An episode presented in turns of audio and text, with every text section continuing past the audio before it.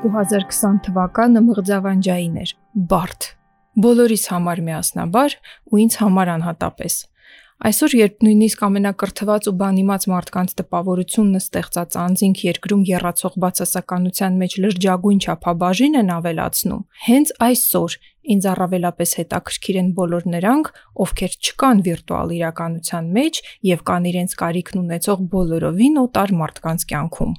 Այսօր առավել քան երբևէ ես ուզում եմ հիանալ ալտրուիստներով ու իրենց բացառիկ ուղեղով։ Ողջույն, ես Դիանան եմ։ Առաջիկա րոպեների ընթացքում կիսվելու եմ ինձ հետաքրքրող պատմություններով, երաժշտությամբ ու խաղաղ տրամադրությամբ։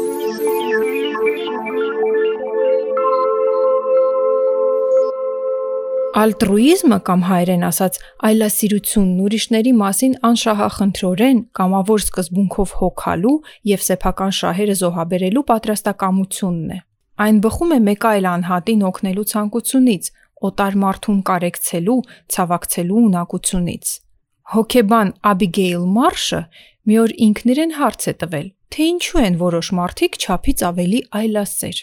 եւ այդ հարցի պատասխանն ստացել է նախև առաջ մտախտավոր անձանց, այլ կերպ ասած պսիխոպատների ուղեղն ուսումնասիրելու ժամանակ։ Հայտնի է, որ պսիխոպատներն այլոց օգնելու, աջակցելու որևէ ցանկություն չունեն։ Զարգացման այս խանգարումը խորը գենետիկ արմատներ ունի։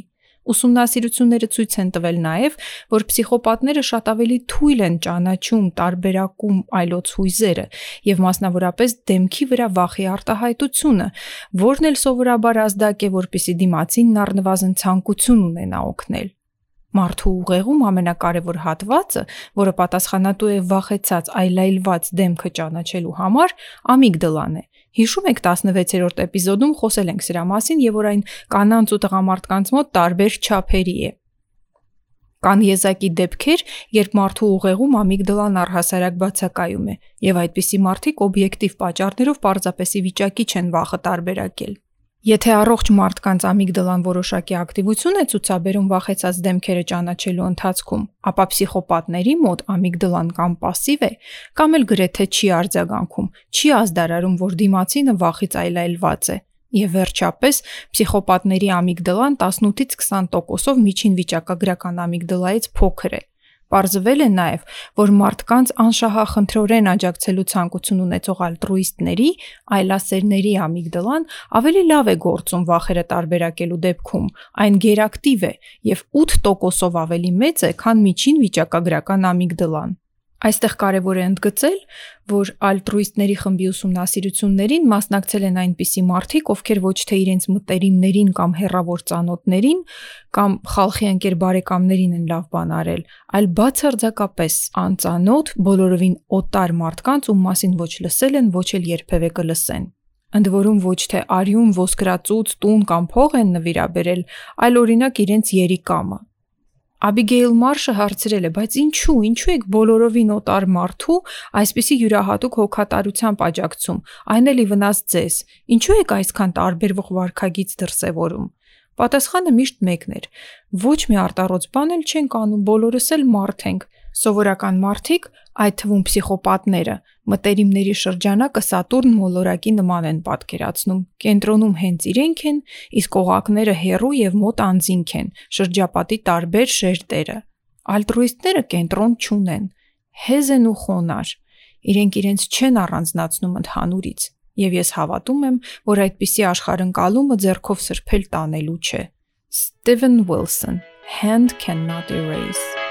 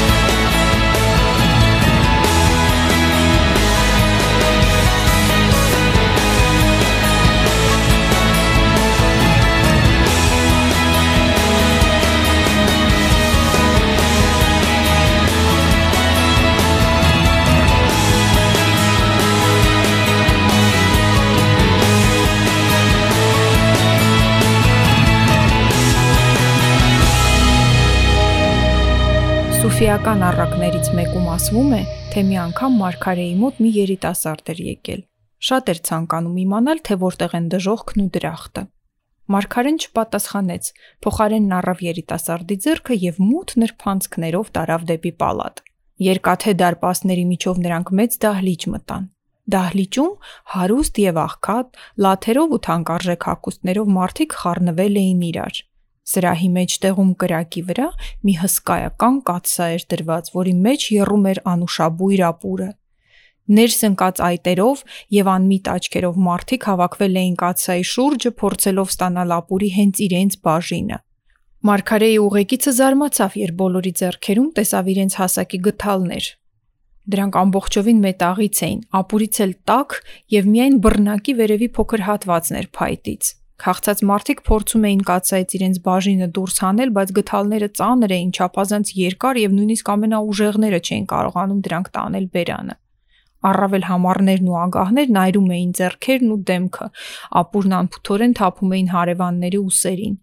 Ի վերջո հայհոյանքներով կռվում ու հենց գթալներով էլ հարցակվում էին միմյանց վրա։ Սա դժողքն է, ասում է Մարգարեն։ Նրանք լքեցին այդ դահլիճը եւ երկար դեգերելուց հետո մութ միջանցքներով մտան մեկ այլ սենյակ։ Այստեղ նույնպես շատ մարդիկ էին հավաքված։ Սրահի մեջ տեղում երացող ապուրի կացա էր։ Յուրաքանչյուրի ձեռքին նույն հսկայական գթալներն էին, որոնք Մարգարեն ու նրա ուղեկիցն արդեն տեսել էին դժողքում։ Բայց մարդիկ լուռ էին, գոհ ու կուշտ։ Զույգերով մոտենում էին կացային ու իրար կերակրում։ Եթե գթալն ինչ որ մեկի համար չափազանց ծանր էր, ապա անմիջապես մեկ այլ զույգ օգնում էր, որպիսի բոլորը կարողանան խաղաղ եւ հերթով կշտանալ։ Սա էլ դրախտն է, առանց ավելորդ հույզերի, նշում է Մարգարեն։ Airbag, feeling less։ Խաղաղ մնացեք։ Մինչ նոր ոդքասթ։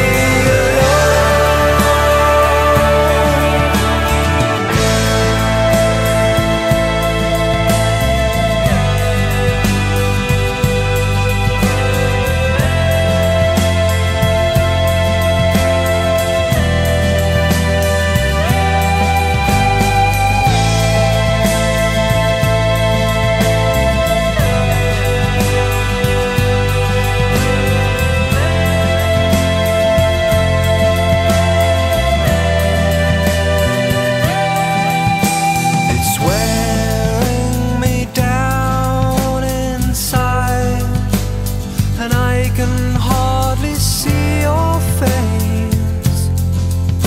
No silence left to steal. I'm not helpless, but I think I'm getting close.